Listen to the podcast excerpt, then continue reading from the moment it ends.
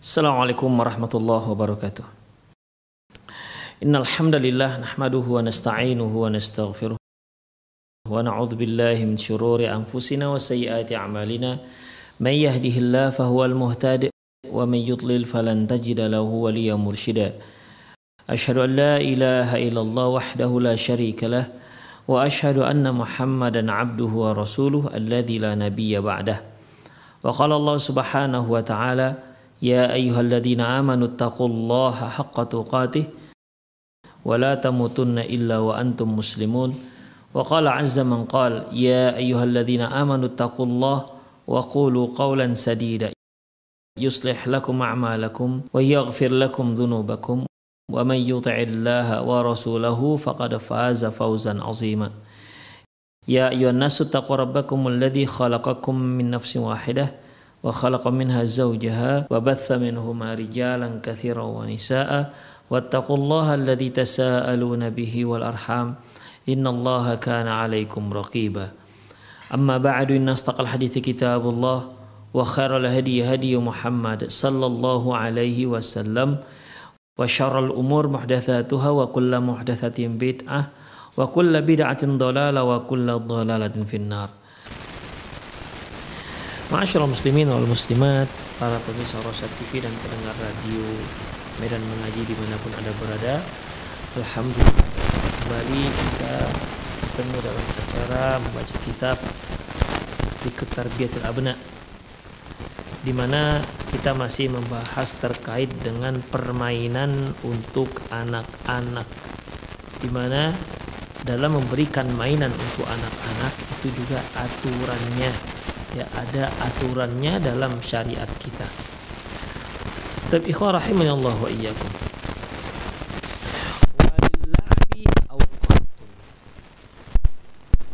Untuk bermain itu ada waktu-waktunya. Apabila kita memberikan anak kita waktu untuk bermain, maka tentukan waktunya. Jangan sampai permainan dia lakukan itu dalam di semua waktu atau waktu yang tak berbatas. Sehingga anak hanya akan mengisi waktunya un, mengisi waktunya hanya untuk bermain. Otomatis dia akan tinggalkan belajar dia akan tinggalkan banyak hal yang bermaslahat dan baik untuk dirinya. Bahkan mungkin gara-gara asyik main dia gara-gara asyik main dia lupa gara-gara asyik main dia lupa tidur orang dewasa lah yang menentukan, yang memberikan batasan-batasan waktunya dan aturan-aturan ketentuan dalam bermain. Fala tada'al aulada yal'abuna fi awqatis salah. Di antara jangan kalian biarkan anak-anak bermain di saat-saat waktu sholat. Wa khasatan salatul jum'ah. Terutama sholat Jumat Faqad nahana rabbuna 'anil bai'. Sungguh Allah Subhanahu wa taala telah melarang kita berjual beli. Alladhi huwa fi asli halal. Padahal pada asalnya jual beli itu halal. Waktu salah.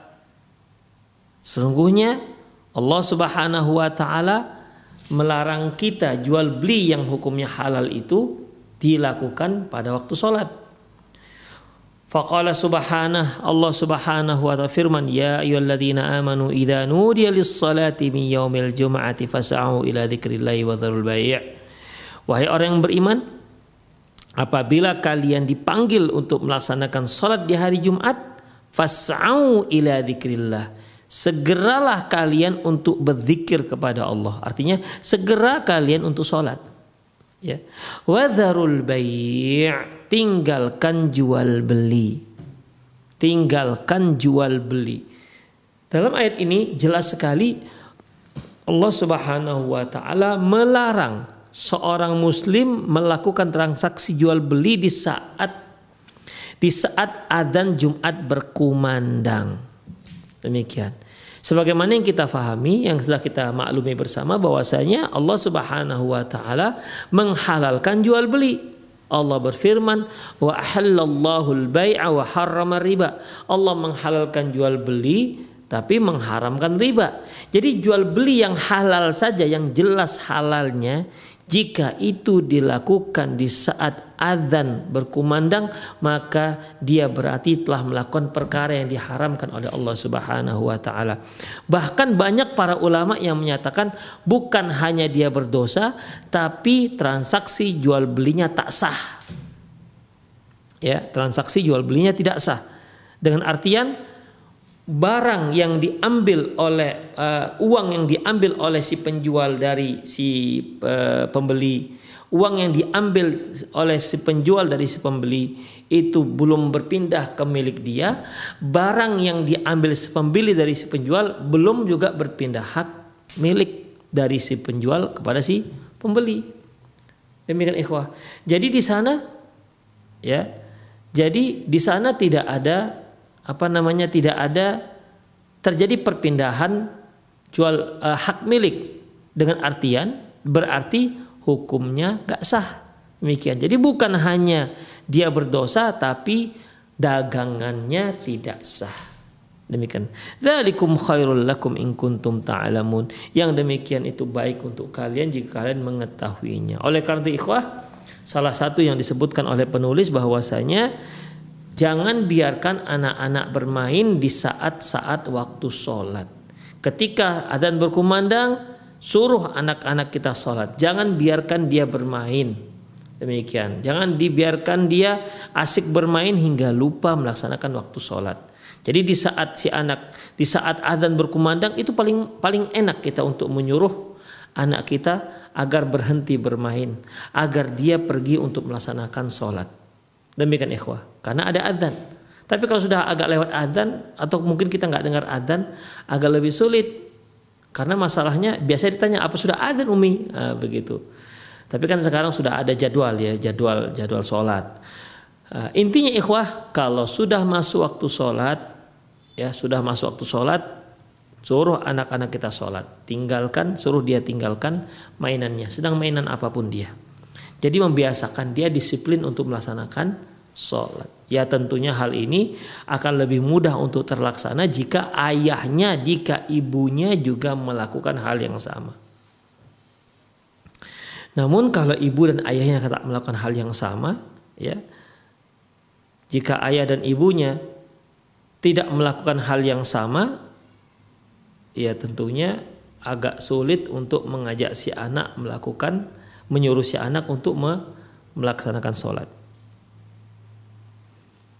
Tapi kemudian ikhwah rahimanallah wa iyyakum. Wa taqaddama anna an-nabiy sallallahu qala idza kana junuhul lail aw amsaytum fakuffu sibyanakum fa inna syaitan tantashiruna hi tantashiru hina.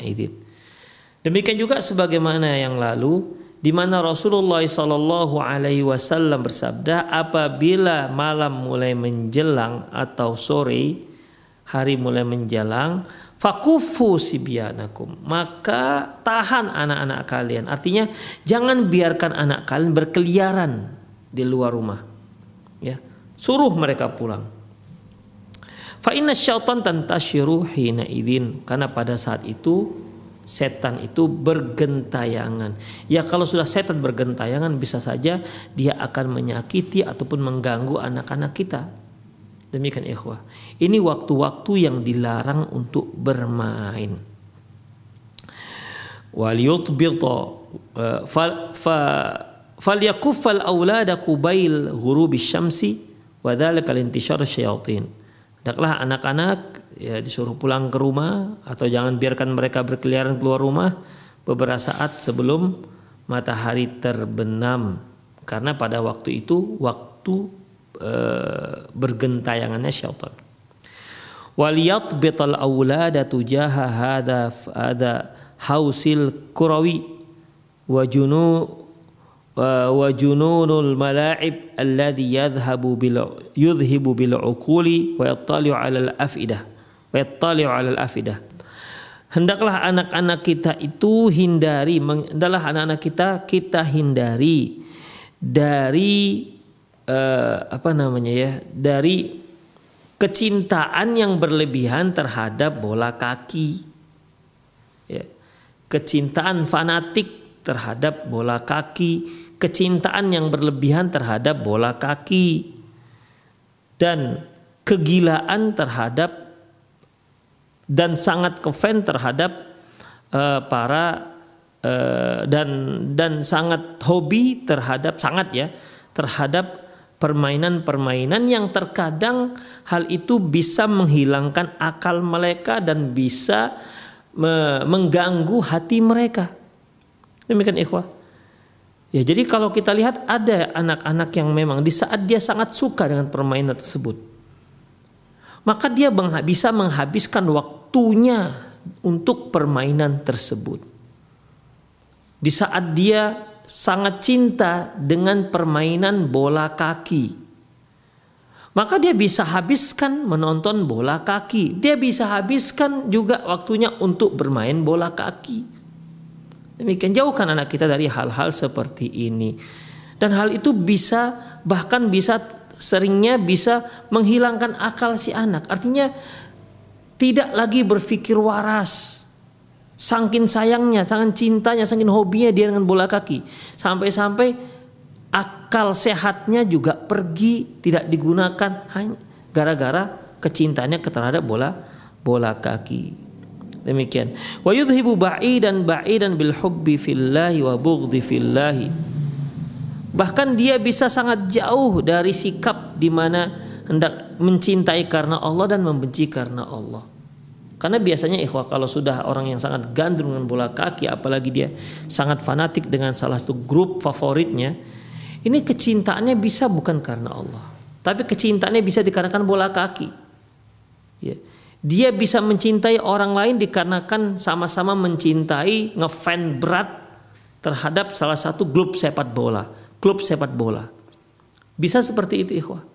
Ya, dia bisa dekat dengan orang-orang yang memiliki uh, memiliki uh, fans klub yang sama. Bisa seperti itu ikhwah. Kemudian wadzalika anna katsiran minal abna'i uli'u bila'bil kurah wa tashyi'i ba'dil firaqi wa adha'us salata wa taba'us syahwat dan banyak anak-anak banyak sekali anak-anak kita yang cinta dengan dengan bola kaki dan menjadi seorang yang sangat fanatisme atau ngefans berat terhadap sebahagian klub sepak bola. Sehingga mereka menyia-nyiakan meninggalkan salat mereka dan mengikuti syahwat mereka. Wa attalul masaliha wal a'mala. Sehingga mereka tidak lagi peduli apa yang baik dan bermaslahat untuk diri mereka tidak lagi peduli apa yang aktivitas yang baik untuk mereka. Bil dan menghabiskan waktu mereka hanya dengan omongan-omongan kosong. Fanasabat bainahumul adawata. Bahkan terjadi permusuhan di antara mereka. Wadabbat bainahum bahkan saling memarahi. Bisababin fariqi huzima hazama fariqan wa faza alaihi. Itu dikarenakan karena kalahnya klub sepak bolanya. Demikian ikhwah. Jadi ketika uh, seorang sudah sangat fanatisme dengan sepak bola, ya di sini Syekh uh, Mustafa Al-Adawi uh, memberikan contoh klub sepak bola. Karena memang banyak sekali supporter-supporter klub sepak bola ini yang kalau di Indonesia dikatakan bonek ya, bonek ya, orang-orang yang ngefan berat sampai bisa merusak apabila klub sepak bola kesayangannya itu kalah. Demikian. Bahkan dia bisa memenuhi para supporter supporter yang yang pro kepada kepada uh, klub sepak bola lawan sepak bola favoritnya. Demikian ikhwah Allah wa iyyakum. Jadi jadi dalam masalah ini ya dalam masalah ini uh, ini suatu hal yang sangat miris hati kita mendengarkannya.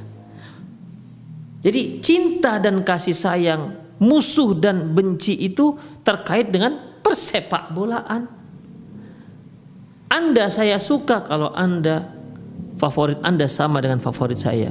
Tapi kalau Anda memiliki grup favorit Anda yang musuh favorit saya, grup favorit saya, maka Anda menjadi musuh saya. Jadi loyalitas itu dikaitkan dengan ya, loyalitas itu dikaitkan dengan klub persepak bolaan favorit. Ikhwah, dasar apa ini namanya? Kehidupan macam apa kalau sampai seperti ini yang melanda para remaja-remaja dan para anak-anak kita? Demikian ikhwah rahimanallah wa iyyakum. Ya, bukan tidak jarang mereka itu akhirnya bolos sekolah gara-gara ingin melihat permainan klub sepak bola favoritnya. Bahkan bukan hanya orang anak-anak remaja, orang-orang tua, orang-orang dewasa. Bahkan pernah ada satu kejadian anak pertamanya mau lahir, dia lebih memilih nonton sepak bola, nonton permainan sepak bola uh, favoritnya ketimbang menunggui anaknya lahir. Astagfirullah. Padahal kalau sepak bola itu dia menang, gak ada untungnya juga bagi dia. Kalaupun kalah, klub sepak bola favoritnya juga tak ada rugi bagi dia. Tapi kalau dia menunggui istrinya sedang melahirkan, bukankah itu ada pahalanya? Istrinya sedang berjihad, menyabung nyawa hidup mati demi melahirkan anak pertamanya. La ilaha illallah. Dan ini terjadi ikhwah. Ini nyata ya. True story ini. Bukan dongeng, itu ada terjadi. Demikian. Ikhwah rahimanallahu Ada yang meninggalkan cari nafkah, gak peduli dia dengan nafkah anak istrinya yang penting dia mau melihat sepak bola. La ilaha illallah. Nauzubillah min dzalik. Wa innahu la ajabun ujab ayyasil al-amru bil abna'i bal bi kathirin minal minal aba ila hadzal wad'il makhzi wat taraddi wal muzri fi sya'nil qurrah wa tasji'ul andiyah. Suatu hal yang memang sangat aneh sekali. Ya, sangat aneh. Karena sampai pada pada level seperti ini, sampai separta separah ini, anak-anak kita ada bahkan para ayah-ayah ya, pada orang tua terjerembab dalam situasi yang sangat menggenaskan, situasi yang sangat kita tidak inginkan dalam masalah persepak bolaan, dalam masalah ngefan terhadap salah satu dari klub sepak bola. Benar apa yang dikatakan Syekh, ya.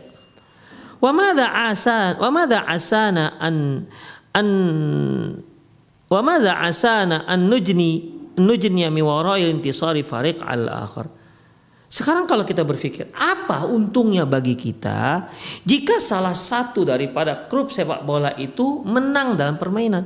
Apa untungnya? Dan apa juga ruginya kita? Kemudian, mada asana an narbaha min min min jarai fauzil Belgika ala Faransa? Apa untungnya kita kalau seandainya klub sepak bola Belgia menang melawan Faransa? Am hazimatu Italia amama Rumania atau Italia ketika lawan ketika Italia kalah melawan Rumania kita sebagai penonton, kita sebagai fans berat salah satu daripada klub sepak bola tersebut, untung kita itu apa? Demikian apa untungnya? Bertambah gaji kita atau klub sepak bola itu akan memberikan kita tiket untuk pergi melihat langsung markas sepak bola dia. Atau kita diberi nggak usah banyak-banyak dikirimkan nasi sebungkus. Ada nggak? Atau dikirimkan sebungkus lontong untuk kita sarapan pagi karena dia telah karena kita telah mendukung klub sepak bola dia? Kan nggak juga ikhwah. Jadi untungnya pun tidak ada sama sekali. Hanya sekedar euforia euforia yang tidak ada untungnya. Dunia apalagi akhirat. Sama sekali nggak ada untungnya. Ya, apa untungnya kalau seandainya Belgia lawan Prancis kemudian Belgia menang? Dan apa apa untungnya juga kalau ketika Italia lawan Rumania Rumania menang? Apa untungnya kita? Ya kalau bahasa kita misalnya PSMS dengan dengan dengan ayam kinantannya melawan Persib Bandung misalnya kita masya Allah pendukung luar biasa sampai gedor-gedor apa namanya bawa gendang bawa trompet pendukung luar biasa, bahkan siap ya, siap untuk melawan supporter lawan. Demikian ikhwah. Apa untungnya? Apa untungnya? Menang PSMS Medan melawan Persib. Apa untungnya bagi kita? Kalah PSMS Medan lawan Persib. Terus apa ruginya kita? Enggak ada ruginya, enggak ada untungnya. Demikian ikhwah rahimanallah wa iyyakum. Ya. Kita enggak larang kalau anak-anak kita misalnya suka salah satu ngefan dengan salah satu klub sepak bola, tapi tidak sampai seperti ini. Sekedar suka saja silakan. Silakan kalau dia punya hobi main bola silakan, tapi ada waktunya ikhwah. Jangan sampai loyalitas ya. Loyalitas itu dibangun di atas kecintaan terhadap salah satu dari klub sepak bola.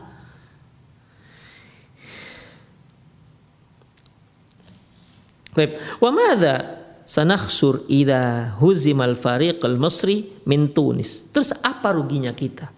Kalau kalau klub Mesir dikalahkan oleh klub Tunis, apa ruginya kita? Au idan tasara Misr ala Kuwait. Atau apa apa juga ruginya kita kalau kalau seandainya klub Mesir menang terhadap klub Kuwait. Apa ruginya kita? Wa ma huwal a'idu alaina fi dinina aw dunyana idan tasara al-ahli ala al-zamalik. Terus apa keuntungan dunia apa keuntungan agama kita, apa keuntungan untuk agama kita dan untuk dunia kita jika klub ahli menang melawan jelub Zamalek. Ini salah satu klub yang ada di mungkin di daerah Syekh Mustafa Adawi. Demikian intinya ikhwah rahimanallah wa iyyakum. Ini masalah-masalah yang apa ya, yang terjadi ya, yang terjadi di kalangan pemuda-pemuda kita. Kalau kita lihat di berita-berita salah satu daripada klub sepak bola kalah dan dan supporternya tidak puas, mereka pulang dengan merusak kereta api bahkan merusak bangunan-bangunan sepanjang mereka mereka lewat dilempar. Nauzubillah min dzalik. Apa apa namanya ini pengerusakan seperti ini? Hanya gara-gara klub sepak bola favoritnya kalah dan nggak puas dengan dengan apa namanya keputusan wasit mungkin mungkin terkait dengan masalah ketetapan penalti mungkin uh, terkait dengan ke, ketetapan masalah offside yang seharusnya gol nggak jadi gol demikian nggak puas akhirnya apa merusak stasiun kereta api. Bahkan ada yang merusak stadion. Bahkan ada yang menjadi tawuran. Karena bertemunya dua supporter supporter bertemu. Demikian ikhwah. Ya. Bertemu di satu gelanggang olahraga. Ketika salah satu kalah bertemu di luar. Akhirnya tawuran pukul-pukulan lempar-lempar. Naudzubillah min dalik inilah kondisi sekarang ini ikhwah kita sebagai seorang muslim jangan sampai ada anak kita yang ikut dalam hal-hal seperti ini. Miris kita mendengarnya dan sangat miris kita melihatnya. Alaysa minal ari wal khizi alaina fi dinina wa dunyana an nughrima wa nuli'a bimala bila'ibil qurrati tarikin lis salati wa hajin lidzikri wa ghafil an kitabillahi wa nudayyi'u awqatana fi sanai alaihi dhabbi anhu. Bukankah satu aib yang sangat hina terhadap agama dan dunia kita? Kalau kita kalau kita ngefans dengan salah seorang dari uh, pemain sepak bola yang jelas-jelas tak sholat, tidak zikir, bahkan tak pernah membaca kitabullah. Lantas kita membicarakan tentang dia, menghabiskan waktu kita tentang dia, mengomentari tentang dia, memuji-muji dia. Aib sekali ikhwah. Alaysa min intikasi an nusammiya abna'ana bi asma'i kuffar likaunihim mah, mahiratun fi la'abil qura? Tidakkah ini sebuah keanehan, sebuah aib kalau kita namakan anak kita dengan salah satu seorang nama orang kafir gara-gara dia pinter main bola. Demikian. Ini aib Contohnya siapa misalnya yang sekarang yang sangat ngetop Messi misalnya. Messi itu apa? Muslim apa kafir dia? Ya kita katakan ya, Messi itu kafir.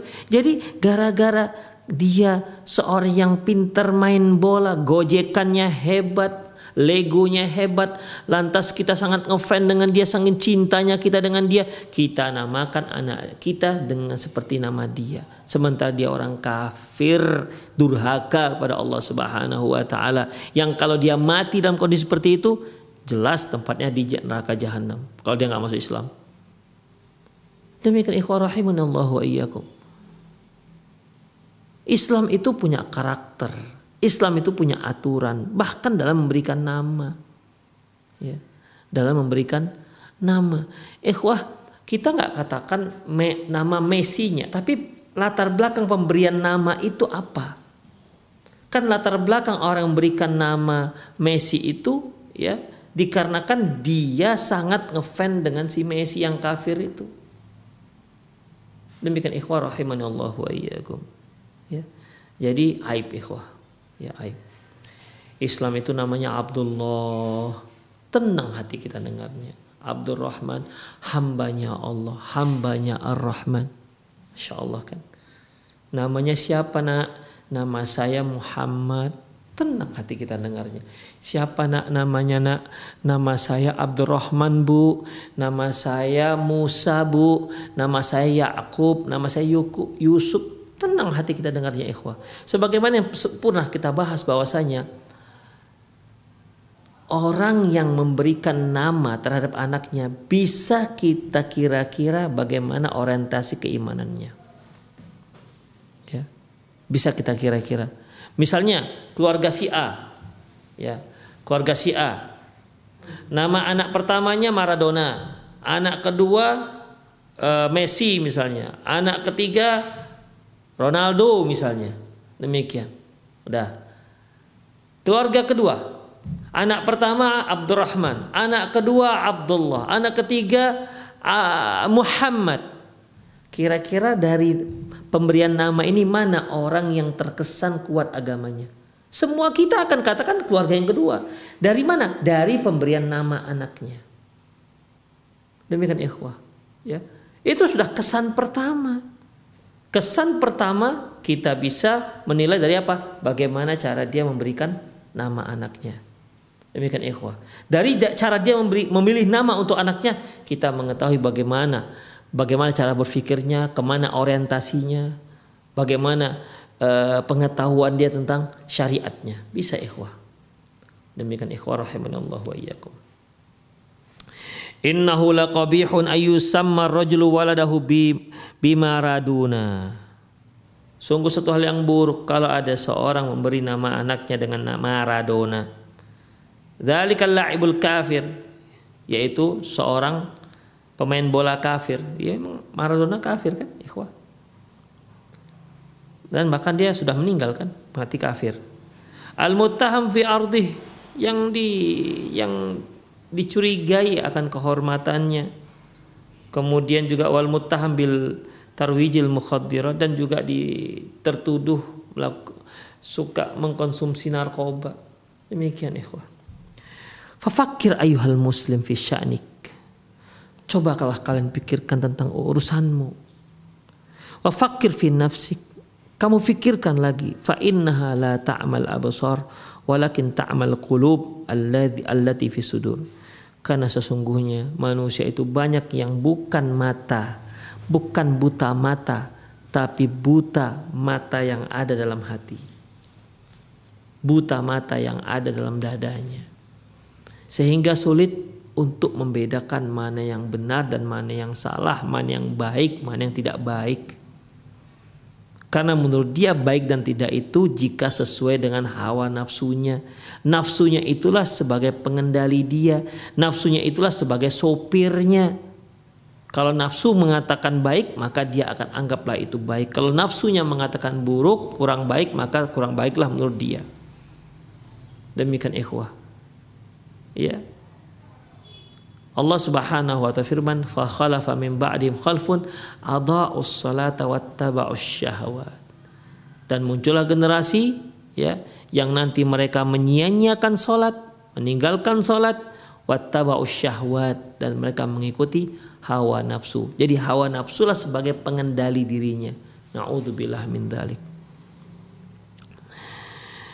Inna dinana ya'lu wa la yu'la alaihi. Agama kita itu tinggi, ikhwah. Islam itu tinggi. Tidak ada yang lebih tinggi dibandingkan agama Islam. Demikian. Dalam Islam sudah diatur semua aturan. Dalam semua dan setiap lini kehidupan sudah diatur secara detail. Dari mulai bayi, dari mulai apa namanya kita uh, melahirkan bayi, punya anak sampai mereka itu dewasa. Dari mulai kita tidur sampai kita tidur kembali. Bahkan ketika tidur juga ada aturan dalam syariat kita dan itu hanya ada dalam agama Islam, tidak ada dalam agama yang lain. Cari kalau ada. Cari dalam agama lain bagaimana mengatur ketika seorang akan tidur.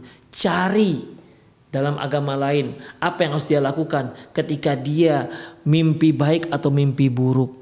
Cari. Dan Anda hanya akan dapati itu dalam dalam agama Islam. Dan Rasulullah Wasallam sudah mengajarkan kita apa yang harus kita lakukan dalam setiap rinci lini kehidupan kita. Itulah Rasulullah sallallahu alaihi wasallam. Demikian ikhwah rahimani wa iyyakum. Tapi sayangnya banyak kaum muslimin tapi nggak mengerti dengan hal seperti ini. Banyak orang muslim tapi nggak faham dengan aturan-aturan agamanya sendiri. Ini yang sangat kita sayangkan. Makanya Imam Ahmad ketika dia kedatangan seorang muridnya, muridnya mengatakan Alhamdulillahi alal Islam Murid yang mengatakan segala puji bagi Allah yang telah menjadikan kita termasuk agama, memeluk agama Islam. Imam Ahmad apa katanya? La walakin alhamdulillahi alal islami wa sunnah. Tapi kita katakan segala puji bagi Allah yang telah memberikan memberi kita taufik beragama Islam dan kita diberi taufik sunnah Rasulullah Sallallahu Alaihi Wasallam. Karena tidak semua orang Muslim mengerti sunnah Rasulullah. Tak semua mengerti. Semua orang muslim tahu kalau dia keluar rumah memakai sendal. Tapi berapa orang yang tahu adab dan sunnah ketika memakai sendal? Demikian ikhwah. Apalagi ini masalah besar. Masalah memberikan nama anak. Apakah kurang nama-nama indah dalam Islam? Sangat banyak ikhwah. La ilaha illallah. Sangat banyak. Nama-nama indah dalam Islam itu banyak sekali. Dan puncak keindahan nama adalah nama yang dicintai yang paling dicintai oleh Allah Subhanahu wa taala. Sebagaimana sabda Rasulullah wasallam, "Ahabbul asma'ikum indallahi Abdullah wa Abdurrahman." Sebaik-baik nama kalian eh, nama kalian yang paling dicintai oleh Allah Subhanahu wa taala adalah Abdurrahman dan Abdullah. Demikian ikhwah rahimani Allah wa iyyakum. Jadi uh, pandai-pandailah kita memberikan nama anak kita. Ya, berikan mereka nama-nama orang-orang soleh dengan harapan tafaul. Tafaul di sini karena Rasul mengatakan yujibu tafaul uh, aku sangat gandrung dengan tafaul artinya harapan yang baik.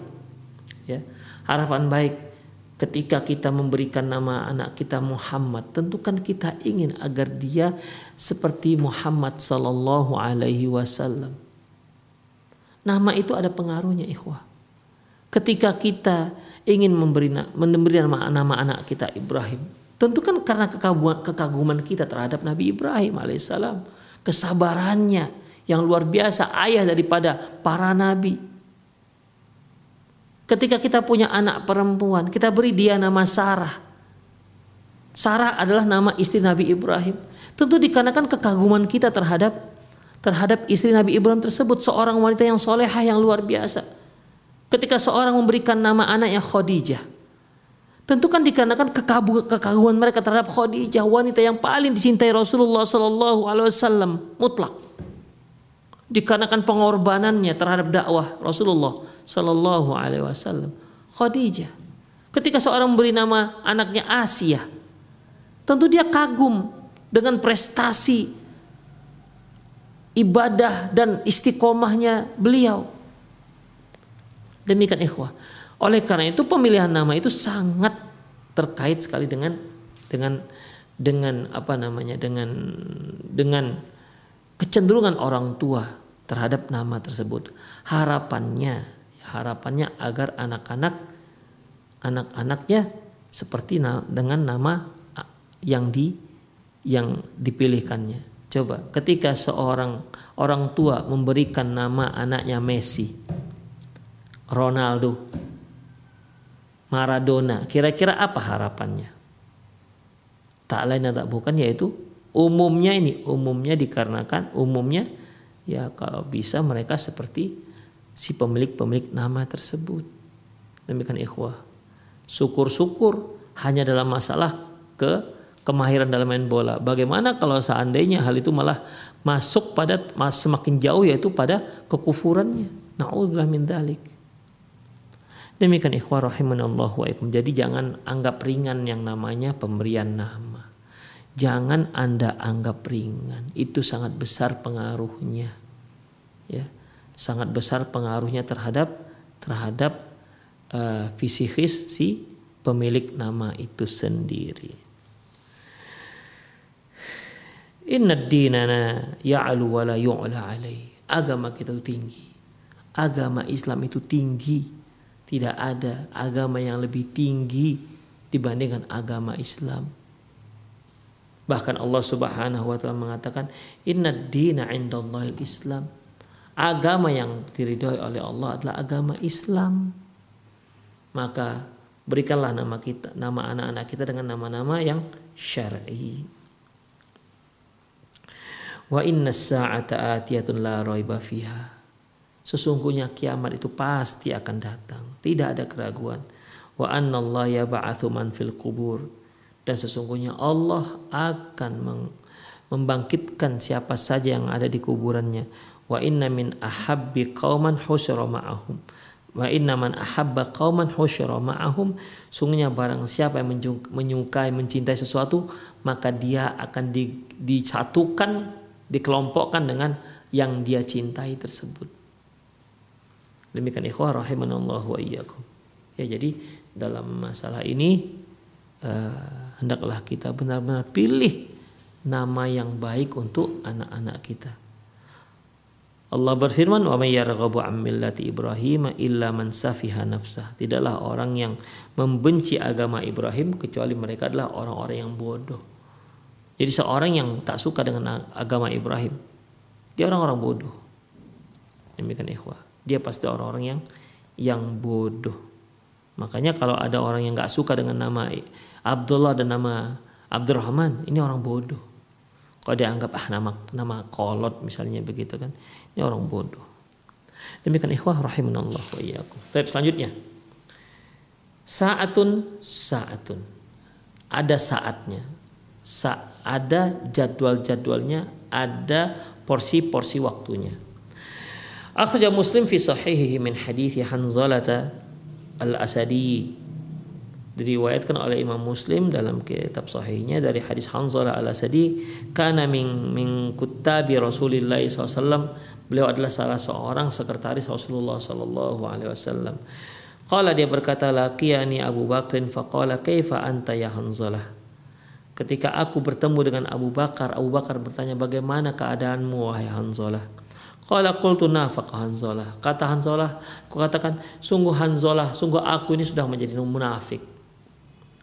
Kalau subhanallah ma taqul. Abu Bakar mendengar hal itu, subhanallah, kamu ini bilang apa sih? Ya. Ketemu Hanzalah dengan Abu Bakar. Ketika Abu Bakar bertanya, gimana kondisimu, keadaanmu, wahai Hanzalah? Kata Hanzalah, betul-betul saya ini munafik. Terkejut Abu Bakar mendengarnya. Ma taqul. Kamu ini bilang apa? Begitu. Kalau qultu nakunu inda Rasulullah SAW yudzakkiruna bin nari wal jannah hatta ka'anna nara ainin. Kukatakan kita dari kita belajar dengan Rasulullah Sallallahu Alaihi Wasallam. Beliau mengingatkan kita tentang surga dan neraka. Seolah-olah surga dan neraka itu ada di depan mata kita. Fa idza kharajna indi Rasulullah sallam asafna al-azwaj wa aulad uh, dia'at fanasaina kathiran. Tapi sayangnya kalau kita sudah jauh dari Rasulullah, sudah sudah ketika kita meninggalkan Rasulullah SAW terpisah dengan Rasulullah SAW, lantas kita bertemu dengan istri-istri kita, anak-anak kita, kita lupa dengan apa yang dikatakan Rasulullah Sallallahu Alaihi Wasallam. Kala Abu Bakar berkata Abu Bakrin, "Wallahi inna lanalqa misla hada." Kata Abu Bakar demi Allah, sama aku juga rasakan seperti itu. Kalau ketemu Rasulullah seolah-olah Masya Allah surga itu di hadapan kita. Neraka itu di hadapan kita. Tapi kalau aku sudah terpisah dengan Rasulullah lupa itu semua. Sama yang aku rasakan. Seperti yang kamu rasakan. Kata Abu Bakar kepada Hanzalah. Fantalak tu ana Abu Bakar. Maka aku dan Abu Bakar pun pergi. Pergi maksudnya ke mana? Pergi mau bertemu Rasulullah. Bertanyakan tentang hal ini. Kok seperti ini kami ini? Begitulah resahnya para sahabat ikhwah. Hatta dakhalna ala Rasulillah sallallahu alaihi wasallam hingga kami masuk ke rumah Rasulullah SAW. Qultu nafaqa Hanzalah. Nafaqa Hanzalah ya Rasulullah. Ketika itu Hanzalah berkata kepada Rasulullah, "Ya Rasulullah, Hanzalah, sungguh saya ini orang munafik ya Rasulullah." Kata Hanzalah. Kalau Rasulullah, "Wa madak? Kenapa seperti itu? Kok bisa begitu?" Kok kamu katakan kamu itu munafik? Gimana rupanya? Qultu ya Rasulullah, nakuna indak tudzakkiruna bin nari wal jannah hatta ka'anna ra'a ainin. Kalau kami bersama Anda, Anda mengingatkan kami tentang surga dan neraka, seolah-olah surga dan neraka itu ada terpampang di depan mata kami. Fa idza kharajna min indika fa asafna azwaj wa aulad wa diya'at nasina kathiran. Tapi sayangnya kalau kami mulai berpisah dengan Anda, kami mulai bersama bergabung dengan istri-istri kami, dengan anak-anak kami dan harta-harta kami. Nasina kathiron. Kami kok menjadi banyak lupa dengan apa yang Anda ucapkan. Faqala Rasulullah sallallahu alaihi wasallam lantas Rasulullah sallallahu alaihi wasallam mengatakan walladhi nafsi biyadih in lau tadumuna ala ma takununa indi fi dzikri lasafahtum lasafahatkumul malaikatu ala furushikum wa fi turuqikum. Demi zat yang jiwaku ada di tangannya kata Rasulullah. Seandainya kalian terus menerus seperti itu seperti di saat kalian bersamaku artinya kalau kalian selama 24 jam seperti di saat kalian bersamaku mengingat neraka, mengingat surga, berzikir kepada Allah dan seterusnya sampai sama 24 jam. Kalau kalian terus menerus seperti itu ya seperti keadaan kalian dekat denganku, maka tidak hanya seperti apa namanya maka malaikat akan datang kepada kalian menyalami kalian. Mereka akan datang. Ya, jadi kalau kalian terus-menerus seperti itu, malaikat akan datang merasa kagum terhadap manusia. Oh, manusia bisa seperti ini. Kalau kalian seperti itu terus-menerus. Zikir kepada Allah, mengingat Allah, mengingat surga, mengingat neraka. Kalau seperti itu kalian lakukan selama 24 jam, maka ya, bukan hanya kalian menjadi orang yang hebat dari sisi Allah bahkan malaikat pun akan datang mendatangi kalian dan akan menyalami kalian di atas tempat-tempat tidur kalian dan di jalan-jalan kalian. Jadi kalian tempat tidur kalian, mereka akan datang nyalami kalian. Masa kagum ini orang luar biasa. Tapi kan nggak akan bisa kita seperti itu ikhwah. Ya. Walakin ya Hanzalah, hanya saja Hanzalah saatan-saatan, ada saatnya, saat-saatnya. Saat-saat kita bersenang dengan anak istri kita, bercanda dengan anak istri kita, bergulau dengan anak dan istri kita, ada saatnya kita beribadah kepada Allah Subhanahu wa taala, berkhalwat mencurahkan isi hati kita, permintaan kita memohon kepada Allah Subhanahu wa taala seraya melinangkan air mata. Air mata takut air mata yang khosyah yang takut kepada Allah Subhanahu wa taala.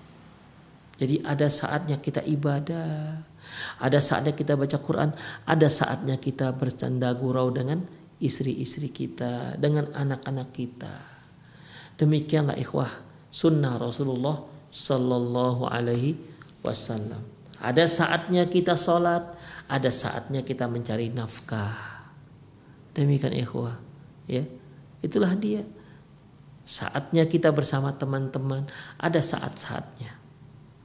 Itulah yang seharusnya yang kita kita lakukan. Tapi jangan sampai saat-saat kita bersama keluarga, bersama anak-anak, bersama teman-teman, jangan sampai mereka menyeret kita kepada perkara yang diharamkan dan dilarang oleh Allah Subhanahu wa taala. Itu yang nggak dibolehkan.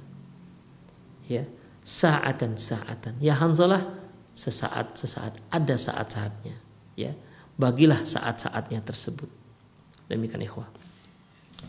Wa fi riwayatin ukhra inda Muslim dari dalam riwayat yang lain yang juga diriwayatkan oleh Imam Muslim an Hanzalah dari Hanzalah juga an Hanzalah ayadha qala kunna inda Rasulillah sallallahu alaihi wasallam. Ketika kami berada di dekat Rasulullah SAW, fawa'adhana fadhakkarana an-nar. Beliau menasihati kami dan mengingatkan kami tentang api neraka.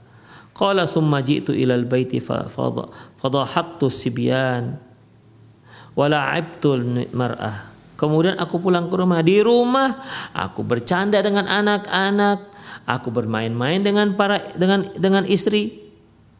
Qala fakharattu falakitu Abu Bakrin fadzakartu dzalika lahu. Lantas aku pun keluar rumahku dan aku bertemu dengan Abu Bakar dan aku ceritakan tentang masalah ini. Ketika dekat dengan Rasulullah kita teringat neraka. Ketika kita pulang kita bermain-main dengan anak dan istri, bercanda-canda, ber, ber apa namanya uh, ber, tertawa, ya, bercanda tawa dengan anak dan istri. Ini bagaimana ya Abu Bakar? Faqala wa ana qad fa'altu mithla ma tadhkuru. Aku juga sama kata Abu Bakar. Falakina Rasulullah sallallahu alaihi wasallam. Lantas kami pun bertemu menemui Rasulullah SAW. Fakultu ya Rasulullah nafaq Hanzalah. Kami pun bertemu dengan Rasulullah SAW dan aku langsung mengatakan ya Rasulullah sungguh Hanzalah ini orang munafik ya Rasulullah. Kalau mah kamu ini kenapa kata Rasulullah. Fahdathu bil hadis maka aku menceritakan apa yang sedang aku rasakan, kegalauan yang sedang menggelayut dalam hatiku. Fakal Abu Bakar, anak fa'altu mithla ma fa'al. Ya Rasulullah, aku juga seperti itu. Seperti yang dilakukan oleh Hanzalah. Itu gimana? Faqala ya Hanzalah, sa'atan sa'atan. Wahai Hanzalah, sa'atan sa'atan. Ada saat-saatnya. Ada saat-saatnya mengingat surga, ada saat-saatnya mengingat neraka dan akhirat, ada saat-saatnya kita bercanda tawa dengan anak dan istri. Walau kanat takunu qulubukum kama takunu inda dzikri apabila hati kalian seperti di saat kalian aku beri wejangan la safahtukumul malaikatu hatta tusallim alaikum fituruq niscaya malaikat akan datang kepada kalian dan akan menyalami kalian di saat kalian berada di di jalan-jalan. Demikian ikhwah rahimahnya Allah. Ini menunjukkan bahwasanya ya menunjukkan bahwasanya uh, yang namanya bukan nggak boleh kita bermain dengan anak-anak ya. Kita sebagai orang tua. Bukan nggak boleh bermain dengan anak-anak, bukan nggak boleh kita bergurau dengan istri kita, bercanda tawa dengan anak dan istri kita, bukan nggak boleh, boleh, tapi jangan habiskan waktu kita hanya untuk itu. Ada saat-saatnya, ada saat-saatnya, ada waktu kita kita kita sisihkan, kita sediakan untuk Allah Subhanahu wa taala. Saat-saatnya berzikir, saat-saatnya sholat, saat-saatnya baca Quran, saat-saatnya cari nafkah, saat-saatnya bersenda gurau dengan dengan keluarga. Itu ada saat-saatnya. Jangan sampai waktu kita habis mencari nafkah. Jangan sampai waktu kita semuanya habis untuk bersenda gurau dengan istri sehingga enggak sholat dan enggak dan enggak zikir Jangan sampai kita waktu kita habis hanya untuk sholat dan zikir, sementara kita nggak cari nafkah dan tidak bergurau dengan bercanda gurau dengan keluarga kita. Rasulullah Shallallahu Alaihi Wasallam apa ada beli apa ada orang yang lebih takwa dibandingkan Rasulullah SAW? Tidak ada. Beliau Khalilullah. Rasulullah SAW itu Khalil kekasih Allah seperti Nabi Ibrahim alaihissalam. Beliau mengatakan Innallaha ittakhadhani khalila kama takhadha Ibrahim khalila. Sesungguhnya Allah itu telah menjadikan aku sebagai kekasihnya sebagaimana Ibrahim telah Allah jadikan sebagai kekasihnya. Itu Rasulullah SAW. Yang kata beliau, ana atqakum akhsyakum billah fillah. Aku adalah orang yang paling takut dan yang paling takwa kepada Allah ketimbang kalian. Tapi kita lihat bagaimana beliau. Ketika bertemu dengan anak-anak, beliau bercanda dengan anak-anak. Beliau pangku anak-anak. Beliau cium mereka. Beliau beliau ajak canda. Demikian ikhwah. Beliau guroin tuh anak-anak. Ketika bertemu dengan istri beliau, sebelum tidur beliau ngobrol dengan istri, menyediakan waktu untuk ngobrol dengan istrinya. Ya mungkin di sana sini ada yang perlu disampaikan oleh sang istri. Demikianlah Rasulullah Shallallahu Alaihi Wasallam. Beliau seorang panglima, beliau seorang kepala negara, beliaulah seorang mufti. Mufti. Kalau bahasa kita ya ketua ketua muinya, nah, begitu kira-kira. Ya. Kemudian apa lagi? Beliau juga seorang rasul. Beliau punya istri sembilan. Beliau mengurusi urusan dunia dan akhiratnya masyarakat pada waktu itu. Semua beliau urus. Ternyata ada waktu beliau untuk bercanda dengan anak-anak. Ada waktu beliau untuk ngobrol dengan istrinya. Itulah seorang manusia yang sempurna, ikhwah. Rahimahnya Allah wa iyyakum. Makanya anak kita silahkan beri dia mainan. Silahkan. Selama mainan itu bukan mainan yang di, dilarang. Silahkan berikan. Tapi batasi permainannya. Batasi Berikan dia jadwal. Ada saat mereka main, ada saat mereka ibadah, ada saat mereka belajar. Demikian ikhwah. Tentunya agar mereka bisa seperti itu, kitalah sebagai orang tua tunjukkan kepada mereka kita disiplin seperti itu. Ada saatnya kita bercanda dengan dia begitu. Oh, nak, oh, ayah mau mau ngaji dulu ya begitu. Demikian. Karena sudah selesai waktunya. Demikian ikhwah. Saatan saatan. Demikian semoga bermanfaat. Aku lu qauli hadza wa astaghfirullah li wa lakum. muslimin innahu huwal ghafur rahim. Bagi para pemirsa yang ingin bertanya, silahkan telepon langsung ke nomor yang sudah tertera di layar televisi pemirsa sekalian. Atau juga boleh kirim via chat atau langsung ke nomor saya ini di 0895 6113 27778. 089561132778. Assalamualaikum, Ana Roni di Medan. Ustadz bagaimana hukum dadu di game HP? Sekarang sudah ada dadu digital yang dirancang untuk main game. Dadu online, dadunya berputar sendiri ketika kita dapat giliran main. Apakah bisa disamakan dengan dadu yang nyata Ustadz Syukron? Allahu alam bisawab. Dadu yang ada di game online sama hukumnya dengan dadu beneran. Demikian ikhwah. Ya. Jadi karena karena hasilnya sama hanya bedanya ini beneran dan sementara ini adalah game online ya sama karena efeknya juga sama pengaruhnya juga sama. Insya Allah hukumnya juga juga sama.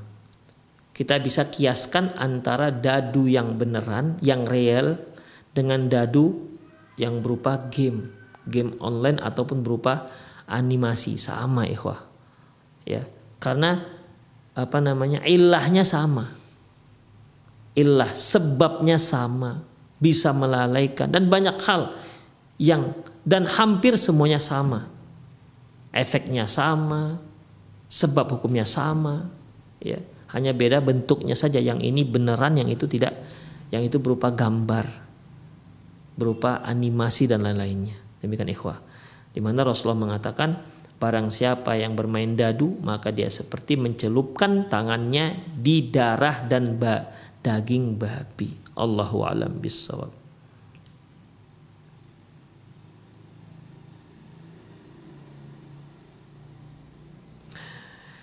Jika imam salat diakhiri dengan bacaan Fatihahnya walau dolin huruf lam tanpa tasdid sahkah salat jamaah tersebut. Ikhwah rahimanallah wa iyyakum. Allahu alam bisawab. Ada uh, ada yang namanya kesalahan atau dalam bahasa Arabnya lahnu. Ada yang lahnul khafi, ada lahnul jali. Lahnul khafi itu kesalahan yang ringan yang tidak sampai merubah makna ada yang lahnul jali, kesalahan berat yang sampai merubah makna. Demikian ikhwah. Wa iyyakum.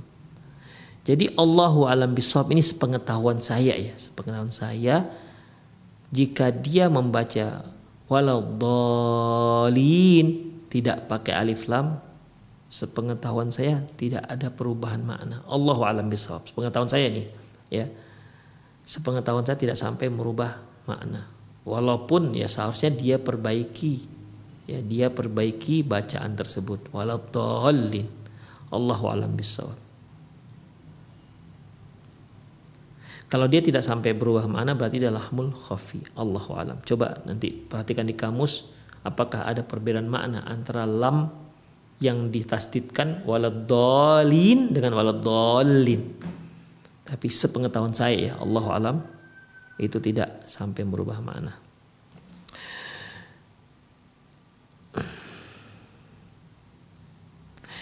Assalamualaikum warahmatullahi wabarakatuh. Ustadz izin bertanya, Ana sangat rutin menjalani donor darah per tiga bulan sekali, maksimal setahun bisa tiga kali empat kali. Apakah pandangan Islam terhadap donor darah itu Ustadz syukron jazakumullah khair. Ikhwah rahimanallahu wa iyyakum. Ada perbedaan pendapat para ulama tentang masalah hukum donor darah. Ya. Mereka yang menyatakan darah itu najis, maka tidak boleh diberi, didonorkan najis. Demikian ikhwah, tidak boleh pendonoran najis. Mereka yang mengatakan tidak najis, maka dibolehkan. Ya. Yang rojih bahwasanya darah itu tidak najis. Allahu alam bisawab.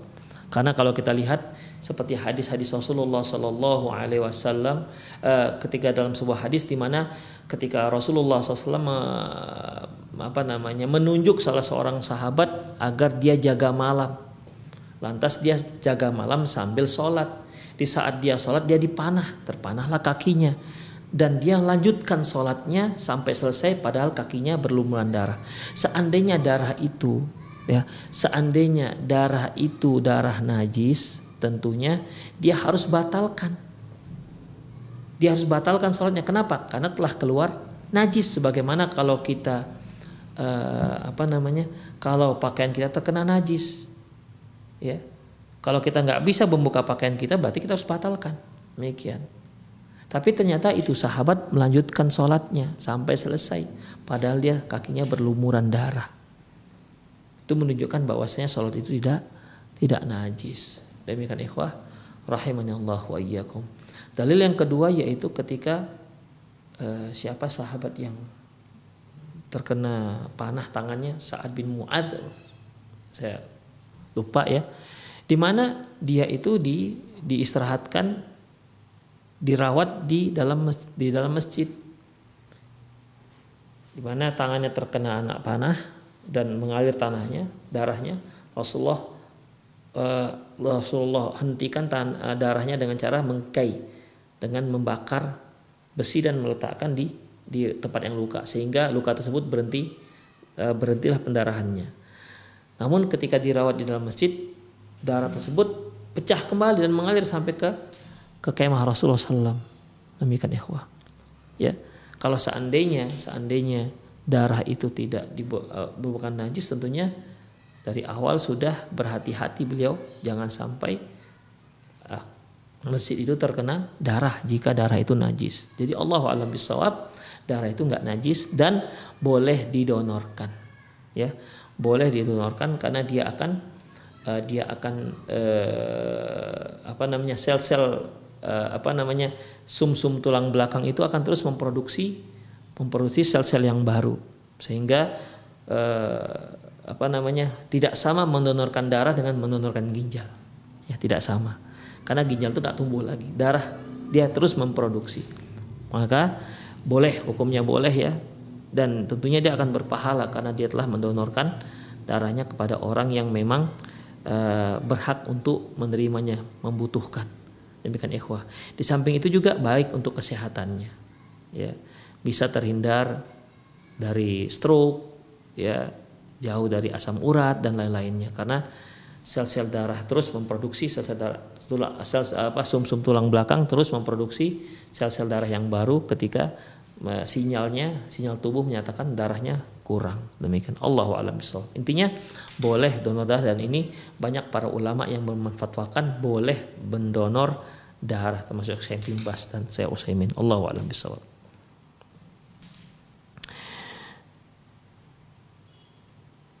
Assalamualaikum Ustadz. Ayah saya minta kalau anak saya lahir maka namakan dengan namanya. Apakah saya wajib mentaatinya Ustadz? Ayahnya minta agar kalau anaknya lahir diberi namanya. Apakah mentaatinya? Mungkin para pemirsa masih ingat dengan fatwa seputar anak ini pernah ditanyakan di sana. Di mana Syekh Muhammad bin Shalih Utsaimin menyatakan ya kalau seperti itulah permintaan ayahmu kemudian uh, yang kamu lakukan pertama nego dulu kan ayah artinya ada nama yang baik seperti Abdullah dan Abdurrahman demikian Abdullah dan Abdurrahman dinego dulu kalau kata ayah kata kata saya udah nggak apa-apa pakai nama itu aja alhamdulillah tapi kalau katanya Enggak, kamu harus kasih nama anakmu dengan nama ayah. Misalnya.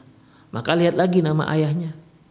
Kalau nama ayahnya adalah nama yang memang dilarang oleh Allah, maka nggak boleh.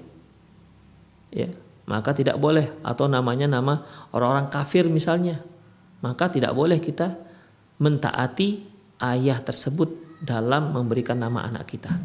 La ta'ata fi makhlukin fi ma'siyatil khaliq tidak boleh mentaati makhluk dalam rangka mendurhakai khalik.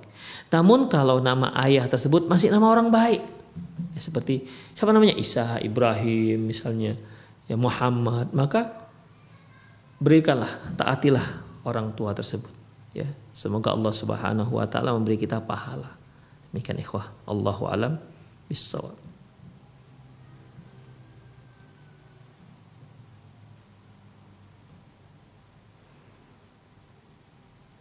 Assalamualaikum Ustadz izin bertanya kalau azan subuh itu yang lebih kuat sesuai dengan contoh Rasulullah pakai asal naum atau tidak setahu Anda dari kecil pakai tapi Ustadz di sini tidak pakai nggak tahu saya di sini di mana ini rahimanallah wa iyyakum mengenai azan subuh penggunaan as-salatu khairu minan naum itu ada khilafiyah dengan para ulama seperti Syekh Muhammad Nasir Albani beliau menyatakan as-salatu khairum minan naum itu diucapkan dikumandangkan di saat masuknya waktu subuh. Ya. Adapun adzan biasa kalau di sana ada dua adzan maka adzan pertama yang waktu waktu uh, dikumandangkan pada waktu sahur tidak pakai as-salatu khairum minan naum dan adzan kedua saat masuk waktu subuh dikumandangkan asal uh, tidak pakai uh, afwan. Ketika waktu su, waktu sahur dipakai uh, azan uh, dipakai as-salatu naum adapun ketika masuk waktu subuh tidak dipakai as-salatu naum itu pendapat Syekh Albani namun jumhur ya Syekh Alba uh, Syekh Ibn Syekh dan ahlu hadis Pakistan dan lain-lainnya menyatakan bahwasanya adzan subuh as-salatu minan naum itu dikumandangkan di saat masuknya waktu subuh. Ya, di saat masuknya waktu subuh. Demikian ikhwah rahimanallah wa iyyakum. Bukan di saat waktu sahur. Allahu alam bisawab. Ini pendapat yang kuat. Ikhwah, demikian semoga apa yang kita bahas bermanfaat. Aku lu qauli hadza wa astaghfirullah li wa lakum wa muslimin innahu wal ghafur rahim. Kita akhir dengan doa kafatul majlis subhanakallahumma bihamdik asyhadu an la ilaha illa anta astaghfiruka wa atubu ilaik. Wa sallallahu ala nabiyyina Muhammad wa ala alihi wa ashabi ajma'in. Wa akhu da'wana alhamdulillah rabbil alamin. Assalamualaikum warahmatullahi wabarakatuh.